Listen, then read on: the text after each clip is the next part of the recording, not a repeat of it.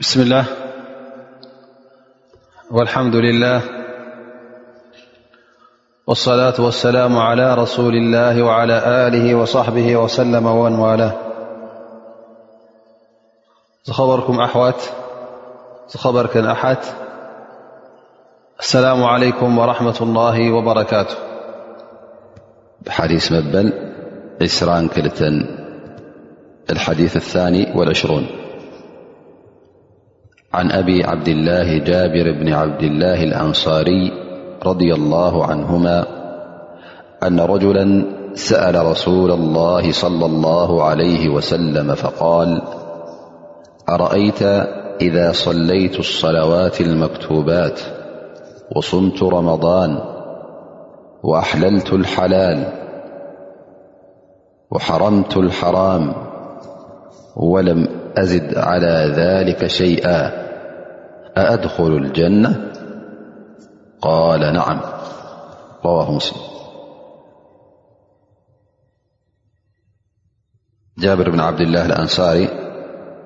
ይብል ሓደ ሰብኣይ ናብ ነቢ ሓመድ صለ ላ ለ ወሰለም መፅኡ ከምዚ ሕቶ ዝሓቲቱ እንተ ደኣ እተን ፈርዲ ሰላተይ ሰጊደ ወርሒ ሮሞضን እንተፀመ ኩሉ ሓላል ዘብኡ ሓላል ገይረ እንተገይረዮ ኩሉ ሓራም ዘብኡ እውን ካብኡ ኣነ እንተረሒቀ እሞ ከዓ ካብዚ ንላዕሊ ካልእ እንተዘይወሰኽኩ ጀና ይኣቱ ዶ ኣይኣቱን ኢሉ ሓቲቱ ፈነቢ ስለ ላ ሰለም እንታይ ኢሎም መሊሶ ሉም እወ ኢሎም መሊሶም ማለት እዩ እዚ ሓዲስ እዚ ኣልጅርዳኒ ይብል እዚ ሓዲስ እዚ ዓብዪ ሓዲስ እዩ ጉዳይ እስልምና ኩሉ ዘጠቓለለ ውን ይኸውን ምኽንያቱ ተግባራት ወይ ብልብኻ እትፍፅሞ ወይ ውን ብኣካልካ እትፍፅሞ ይኸውን ገሊኡ ሓላል እዩ ገሊኡ እውን ኩልኩል ዩ ሓራም ይኸውን ማለት እዩ ስለዚ ወዲ ሰብ እንተ ደኣ ነቲ ሓላል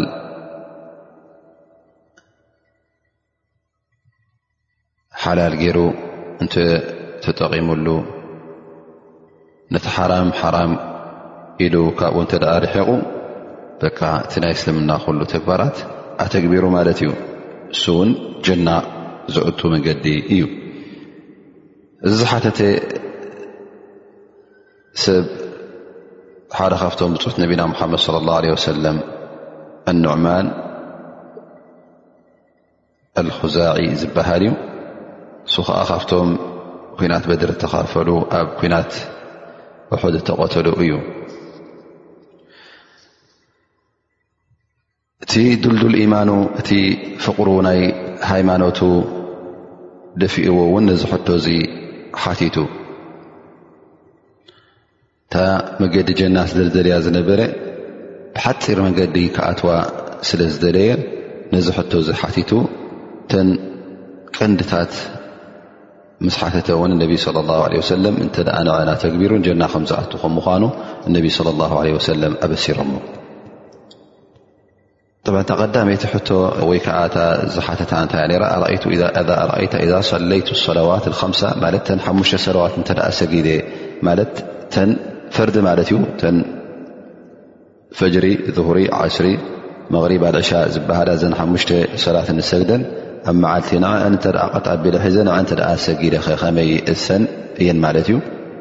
ነቢ ስ ሰለም ከመይ ገርና ከም ሰግደን እውን ሓቢሮምና እዮም ሰሉ ከማ ረኣይቱሙኒ ኡሰሊ ከምቲ ኣነ ገይረ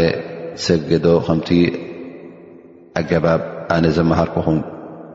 ጌርኩም ከምኡ ስገዱ ኢሎምና እዮም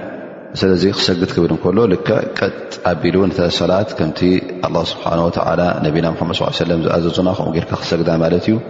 ወዲ ተባዕታይ እተ ኮይኑ ውን ሰላት ጀማዓ ከይገደፈ ኣብ መስጊድ ክሰግድ ከም ዘለዎ ኣብ ሱና ነቢ ሙሓመድ ለ ላ ለ ወሰለም ዝረኸብናዮ ሓበሬታት ኣሎ ኣስሓብ ነቢ ኩሎም ኣብ መስጊድ እዮም ዝሰግዱ ነይሮም ዋጅብ ከም ምኳኑ እውን ዑለማ ብዙሓት ተቒሶሞ እዮም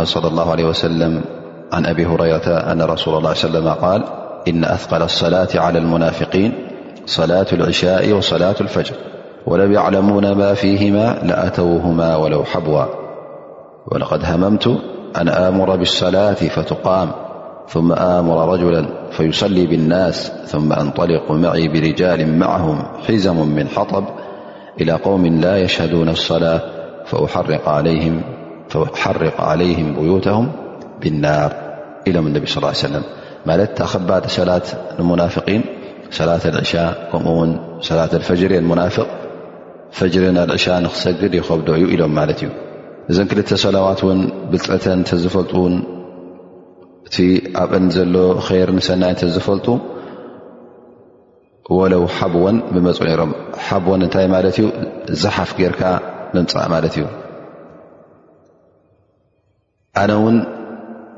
ይብሉ ነቢ صለ ላه ለ ወሰለም ሰላት ስገዱ ኢለ ሓደ ሰብ ኢማም ኮይኑ ንኸስግድ ገዲፈ እቶም ኣብዛ ሰላት እዚኣ ዘይርከቡ ዘለዉ ኣብ ገዝኦም ዝተርፉ ዘለዉ ናብኦም ከይደ ገዛውቶም ንኸቃፅለሎም ሓሲበ ነረ ይብሉ ነቢ ለ ላ ለ ወሰለም እዚ ነገር እዚ ግን ኣይገብሮ ግን እንታይ እዮም ዝርእዩና ዘለዉ ክሳዕ ክንደይቲ ሰላት ልጀማዓ ኣገዳሲ ከም ምኳኑ ዋጅብ ከም ምኳኑ ክሳዕ ክንዲዚ መቕፃዕቲ እውን ክቐፅዎ ይሓስቡ ከም ዝነበሩ ነቢ ለ ላ ለ ወሰለም ስለዚ እቲ ኣላ ስብሓን ወተላ ዝኣዘዘካ ከምቲ ግቡእ ጌርካ ንክትገብሮ እታ ሰላት እውን ኢቃመት ሰላት ክበሃል ከሎ ንሰላት ምቛም ክበሃል ከሎ ከምቲ ተኣዘዝካ ጌርካ ሙሉእ ዘይጉዱል ጌርካ ክሰግዳ ከለኻ እታ ሰላት እሱ እዩ ኢቃመት ሰላት ዝበሃል ሽዑ ድማ እዛ ሰላት እዚኣ ካብ ኩሉ ጌጋታት ክትሕልወካ እያ ክትጠቕመካ እያ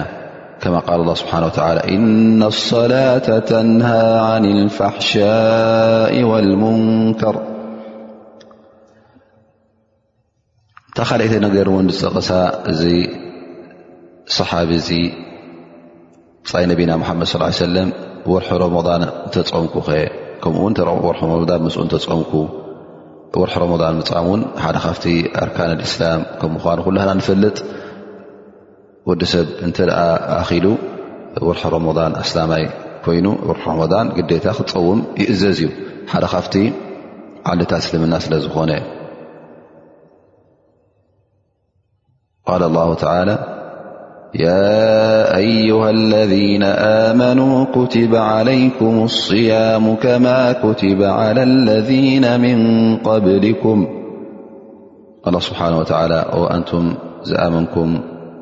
ጾሙ እኮ ግዴታ ንኽትጾሙ ተኣዚዝኩም ኢኹም ልክዕ ከምቲ ኣብ ቅድሜኹም ቅድሜኹም ዝነበሩ ሰባት እተኣዘዝዎ ንስኹም ውን ተኣዚዝኩም ኢኹም ኢሉና ኣላ ስብሓን ወተላ ጾም ኣብ እስልምና ዝጀመረ ማለት ብግዜ ነቢና ሓመድ ስ ሰለም ዝጀመረ ኣይኮነን እንታይ ደኣ እቶም ቀዳሞት ኣህዛብ እውን ንኽጾሙ እዙዛት እዩ ነሮም ናቶም ጾም ነይርዎም ነቢ ስ ላ ሰለም ቡንየ እስላሙ ዓላ ከምሲ ኢሉና ስልምና እውን ኣብ ሓሙሽተ ዓንድታት ከም ተመስረተ ነቢ ስ ሰለም ነጊሮምና እዮም ሓደ ካብቲ ዓንድታት እውን ፆም ናይ ሮሞዳን ማለት እዩ እቲ ፆም ናይ ሮሞዳን ክትፀሙ ከለካ እውን ፍርሃት ረቢ ዘለዎ ቁኑዕ ንያ ጌርካ ፅቡቕ ንያ ጌርካ ክትፀሙ ከለካ እሱኡ እቲ ናይ ብሓቂ ፆም ዝበሃል ስለዚ እተን ክልተ ካብተን ዓንድታት እስልምና ዝጠቐሰን እዚ ሰብኣይ እዚ እንታይ ነረን ማለት እዩ እታ ሰላት ሓሙሽተ ሰላት ምስጋ ፆም ምፅም ማለት እዩ ድሕሪኡ ሓለልቱ ሓላል ሓረምቱ ሓላም ኢሉ ማለት እዩ ማለት ሓለልቱ ሓላል ክብል ከሎ እቲ ሓላል ዘብኡ ሓላል ከም ምኳኑ እንተ ኣሚነ እሞ ኸዓ እሱ እንተ ኣሚንካ ማለት እቲ ሓላል ተኣዘዝካዮ ትገብሮ ማለት እዩ እቲ ረቢ ዝሓለሎ ጥራይ ትሐልል ዘይሓለሎ ከዓ ኣይትሐልሎን ኢኻ ስለዚ ሓላል ከም ምዃኑ ንዝኾነ ይኹን ነገር ካብ ምንታይ ኢኻ ትወስዶ ካብቲ ዲንካ ካብ ትእዛዝ ኣላ ስብሓን ወተዓላ ካልኦት ሰባት እንተ ሸክ ኮይኑ ወላ እውን ካልእ ዓይነት መዝነት ይወሃብ እሞ እሱ እዚ ዩ ሓላል ኢሉ እንተ ኣዚዙካ ሓላል ኢልካ ክትቅበሉ የብልካ ንመን ኢኻ ጥራይ ትቕበል ንኣላ ስብሓን ወተዓላ እንተ ረቢ ዘይሓለሎ ሓላል እዩ ኢልካ እተ ረቢ ዘይሓረሞ ሓራም ኢልካ ድማ እዚ ካብ መገዲ ትወፅእ ኣለኻ ማለት እዩ ላ ስብሓን ወላ የል እቶም ነቶም ክሓቲ ነቶም ምስ ኣላ ስብሓን ወተላ ሽርካ ጌርኩም ዝበሎም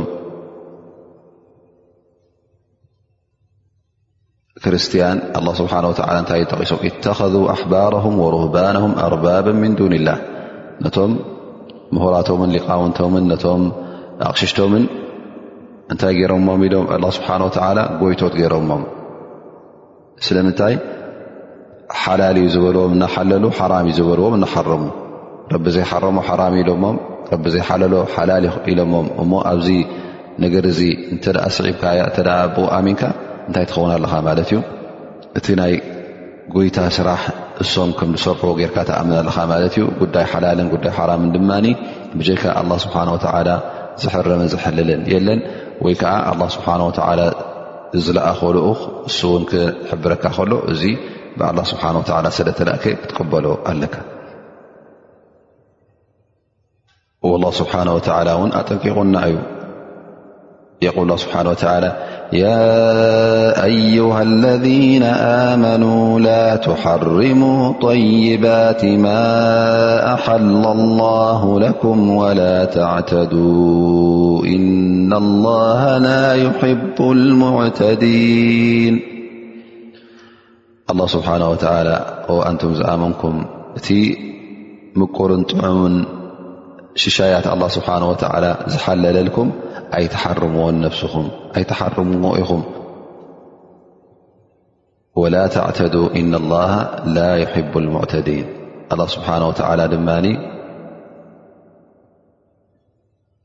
እቶም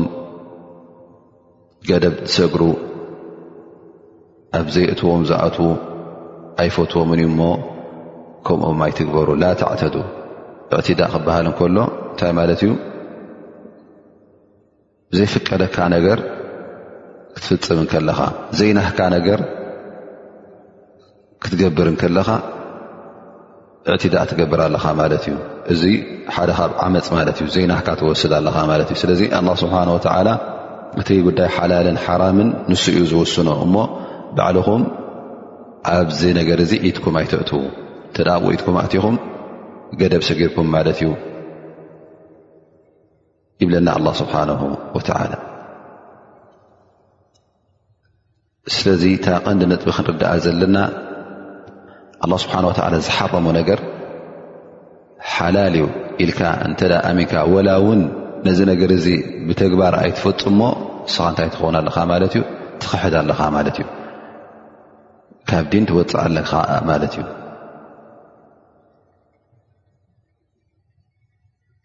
ስለዚ ከምኡ ውን ኣላ ስብሓን ወተላ ዝሓለሎ ውን ሓራም ክትገብር እንተ ኮንካ ውን ሓራም ኢልካ እተ ኣሚንካ ውን ካብ ዲን ትወፅእ ኣለኻ ማለት እዩ ስለዚ ክንጥንቀቕ ኣለና እዚ ጉዳይ እዚ ካብ ዲን ዘውፅእ ነገር ስለ ዝኾነ ተገዲስና ውን ክንኣምነሉ ኣለና ሓራም ክበሃል እንከሎ እንታይ ማለት እዩ ሓራም ክበሃል እንከሎ ነዚ ሓራም እዚ ክትገድፍ እንከለኻ ኣጅር ኣለካ እንተ ጌርካዮ ከዓ ዘንብ ኣለካ ማለት እዩ ትቕፃዕ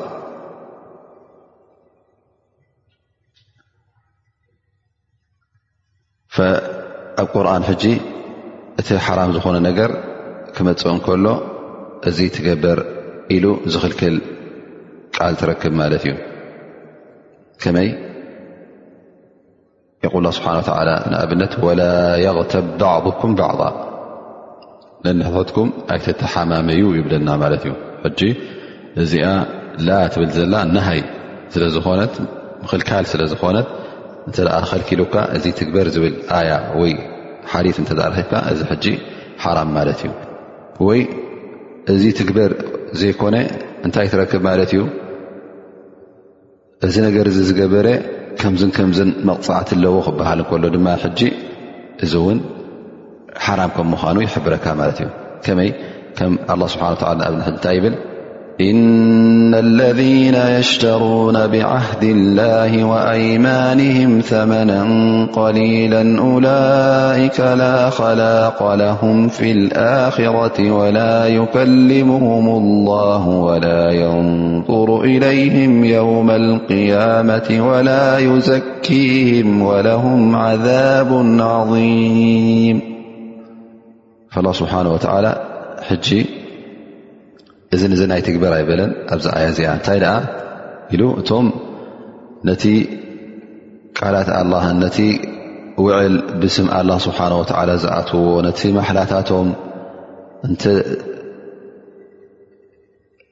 ብናይ ኣዱንያ ነገር ገይሮም ዝልውጥዎ እንተ ደኣ ኮይኖም እዞም ሰባት እዚኦም ኣላ ስብሓን ወተላ ኣብ ዮም ልቅያማ ግልፅ ኣይብሎምን እዩ ኣይዛረቦምን እዩ ወላ እውን ክብሪ እውን ኣይህቦምን እዩ ዓብይ መቕፃዕቲ እውን ኣለዎም ኢሉ ኣላ ስብሓን ወተዓላ ሕጂ እንታይ ዝጠቒሱልና ማለት እዩ እዞም ሰባት እዚኦም መቕፃዕቲ ከም ዘለዎም እቲ መቕፃዕትታት ናቶም እውን እዝን እዝንዝን ከም ምኳኑ እዚ ሕጂ ካብኡ እንታይ ተረዲእና ሓራም ከም ምኳኑ ዝተግባር እዙ ወሁም ኣለذነ የሽተሩነ ብዓህድ ላሂ ወኣይማንህም ተመና ቀሊላ እቲ ብስም ኣላ ስብሓን ወተላ ዝገብርዎ ዝነበሩ ውዕልን እቲ ብስም ኣላ ስብሓን ወተላ ዝገብርዎ ዝነበሩ ማሕላታት ንመዐሸውን ናይ ኣዱንያ ነገር ንኽረኽቡን ኢሎም እንተ ደኣ ተጠቒሞምሉ እዚኦም ከምዝን ከምዝን መቕፃዕቲ ኣለዎም ስለ ዝበለና ሓራም ከም ምኳኑ ተረዲእና ማለት እዩ ወይ ሓንሳ እውን ኣብ ቁርን እንታይ ንረክብ እዚ ነገር እዚ ሕሩም እዩ ዝብል ንረክብ ማለት ከማ ቃል ስብሓ ላ ሕርመት ዓለይኩም እመሃትኩም ወበናትኩም ወኣኸዋትኩም እን እዚ እንታይ እዩማ ኣላ ስብሓን ወተላ ኣዴታትኩም ኣሕዋትኩም ደቅኹም ንኽትምርዓው ተሓሪሙኩም እዩ ዝብል ማለት እዩ እን ሓራም ሕጂ ተሓሪሙ እዩ ዝብል ቃል ይጥቀሰልና ማለት እዩ ስለዚ እቲ ሓራም ብከምዚ ክንፈልጦ ንኽእል እቲ ናይ ሓላል ጉዳይ ናይ ሓራም ጉዳይ እውን ከም ዝበልናዮ እዚ መሰል ናይ ጎይታ እዩ ናይ ኣላ ስብሓን ወተላ እዩ ስለዚ ዝኾነ ይኹን ፍጡር ነዚ መሰል እዚ ክገፎ ኮይኑ ወይ ከዓ ነዚ መሰል እዚ ናተ ኢሉ ንኽዛረብ ወይ ከዓ ነብሱ ከም መሰሉ ገይሩ ንክወስዶ እተ ኮይኑ እዚ ሰብ እዚ ይጋገሎ ማለት እዩ መሰል ኣላ ስብሓን ወተላ መሰሉ ክኸውን ኣይክእልን እዩ ምክንያቱ ኣላ ስብሓን ወተላ ፈጣሪ ዓለም እዩ ንኩሉ ዝፈጠረ እዩ ንሱ እዩ ከምድላዩ እዚ ሓላል እዩ እዚ ሓራም እዩ ዝብል ድኣ እምበር ፍጡር ጥራይ ቃል ኣላ ስብሓን ወተዓላ ከተግብር ኣለዎ ቃል ኣላ ስብሓን ወተዓላ ጥራይ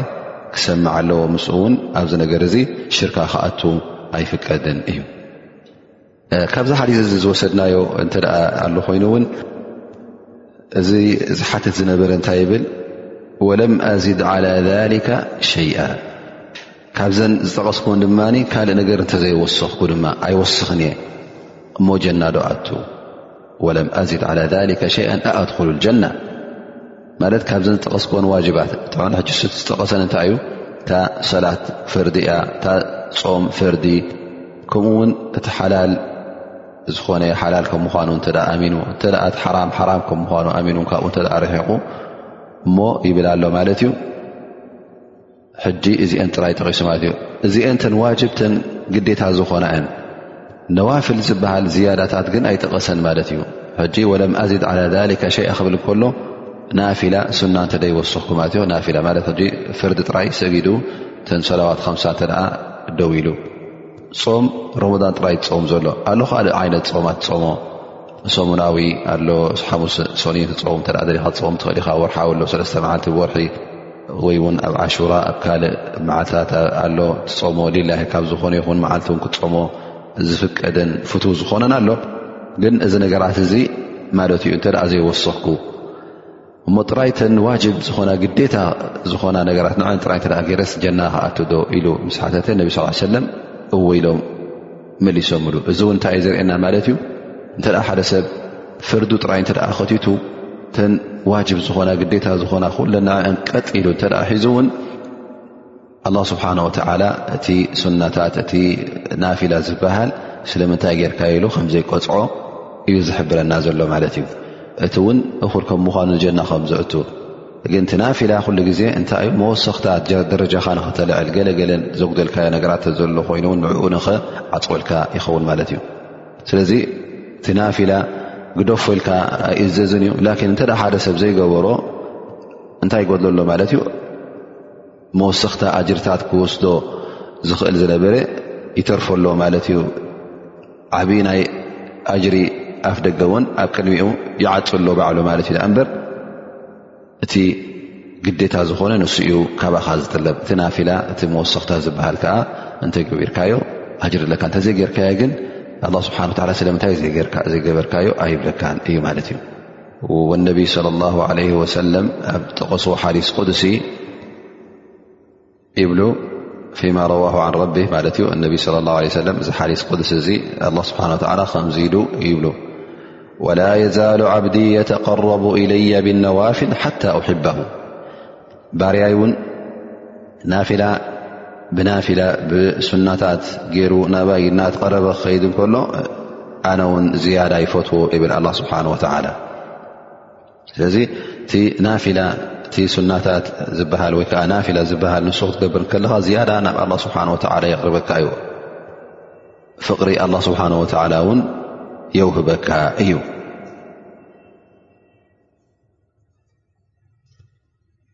ኣብዚ ሓዲስ እዚ እውን ነቢ ስ ሰለም ነዚ ሰብ እዚ ክሓትት እንከሎ እቲ ሱና ግበር ኣይበልዎን ምኽንያቱ እዚ ሰብ እዚ ተንዝሓተተን እኹላት እየን ነይረን ክትውስኽ ኣለካ ኣጅር ኣለዎ ገለመታት እውን ኣይበሉ እንታይ ደኣ ሕጂ እዚ ሰብ እዚ ቀረባ መንገዲ ናብ ጀና ዘእቱ ስለ ዝደለየ እወ ኢሎም ጠቒሶምሉ ማለት እዩ ላን ነቢ ስ ሰለም ኣብ ካልእ ግዜያት እቲ ናፊላ ዝኾነ እንታይ ፋዒዳ ከም ዘለዎ ጠቒሶም እዮም ማለት እዩ ኣብ መጨረሻ ካብዚ ሓሊት እዚ ንወስዶ ፋይዳታት እንተ ክንጠቅስ ኮይና ብሕፅር ሕፅር ዝበለ ቀዳማይ ነገር ዝኾነ ይኹን ኣስላማይ እንተ ገለገለ ነገራት ብዛዕባ ዲኑ ዘይፈልጦ ነገር ሕፅረት እንተ ኣለዎ ኮይኑስ ነቶም ዕለማ ነቶም ፈላጣት ነቶም ምሁራን ክሓትት ኣለዎ ዝፃይ ነቢና ሙሓመድ ስ ሰለም ኣብቲ ግዜ እቲ መምህር ዝነበረ ኣብቲ ግዜ እቲ ነቢ ስ ሙሓመድ ስ ሰለም እዩ ተኺዱ መፅኡ ውን እተን ሕርኽርኽ ዝብልኡ ዝነበራ ወይ ከዓ እቲ ክሓተሉ ዝሓሰበ ነገር እውን ተኺዱ ብዛዕባኡ ንክሓተት ናብ መን መፅኡ ናብ ነቢ ሙሓመድ ለ ላ ለ ወሰለም መፅኡ እቲ ዘምህር እቲ መምህር ድማ ኩሉ ግዜ እቲ ዝሓቶ ዘሎ ሰብ መን ከም ምዃኑ ክፈልጥ ኣለዎ እንታይ ዓይነት ሰብ ከም ምዃኑ ክፈልጥ ኣለዎ እቲ ዝህቦ መልሲ ምእንቲ ምስቲ ሓታቲ ተቓደው ክኸውን ሕጂ እዚ ዝሓተ ዝነበረ እንታይ እደሊ ነይሩ ፈኲስ ነገር ቀሊል ነገር ብዛዕባ እስልምና ቐጥ ኣቢሉ ክሕዞ እደሊ ነይሩ እነቢ صለ ላሁ ለ ወሰለም ነዚ ነገር እዚ ኣፋኺሶምሉ ማለት እዩ ስለዚ ስኻ ውን እቲ ዝሓተካ ዘሎ ሰብ መን ከም ምዃኑ ክትፈልጥ እንከለኻ እቲ ሕቶ ናህካ ውን እንታይ ይኸውን ወይ ከዓ ትመልሰናካ ከምቲ ናቲ ሕቶ ወይ ከዓ ምስኡ ዝቃዶ ሕቶ ጌርካ ተቕርብ ማለት እዩ እቲ ተረድኦ ናቱን እቲ ፍልጠት ናቱን ርኢኻ ምእንቲ እሱ ኣብ ሓንጎሉ ዝኣቱ ምስቲ ዘለዎ ናብራ ውን ዝሰማማዕ ጌርካ ትምልሰሉ ማለት እዩ ኣብዚ ሓዲስ እዚ እውን እንታይ ንርኢ እቲ ብስራት ናይ እስልምና ወይ ከዓ እቲ ብስራት ንገዛእ ርእሱ ኣድላይ ከም ምኳኑ ዕልሚ ክትዕልም ከለኻ ፍልጠት ክትህብ ከለኻ ንሰብ ውን ተበስር ኢኻ ማለት እዩ ብፅቡቕ ነገር ተበስሮ እተ ዝገርካ ክንዲ ራ ኣለካ ኣብሽር ኢልካ ተበስሮ ማለት እዩ ነቢ ስ ሰለ ምስ ሓተተ ዝሰብዚ እውን ንዓም ኢሎም እወ ጀና ተኣቱ ኢኻ ኢሎም ኣበሲሮም ማለት እዩ እንተ ነዚ ነገር እዚ ፈፂምካ ከምቲ ካብቲ ፋይዳታት ናይ ዝሓሊት እዚ እውን እተ ሓደ ሰብ ጥራይተን ዋጅብ ዝኾና ግዴታ ዝኾና ነገራት ገይሩ እሞ ከዓ እቲ ኣላ ስብሓን ወተዓላ ዝኸልከሎ ካብኡ ተኸልኪሉ እዚ ነገር እዚ ጀና ከምዘእትዎ ተረዲእና ማለት እዩ ግዴታ ናፊላ ወይ ከዓ እቲ ዝያዳታት ትረቢ ዝፈትዎ ነገራት ካልእ ግዴታ ግበሩ ኣይበሃልን እዩ እንተ ቀጢሉ ነተን ፍርዲ ዝኾና ዓይኒ ዓይኒ ዝኾና ሒዙ ካብ ኩሉ ኣላ ስብሓን ወተላ ነቢ ሓመድ ስ ሰለም ዝኸልከሎ ተኸልኪሉ እዚ ሕጂ መገዲ ጀና ሒዙ ኣሎ ማለት እዩ ንጀና ዘእትዎ ነገር ገይሩ ኣሎ ማለት እዩ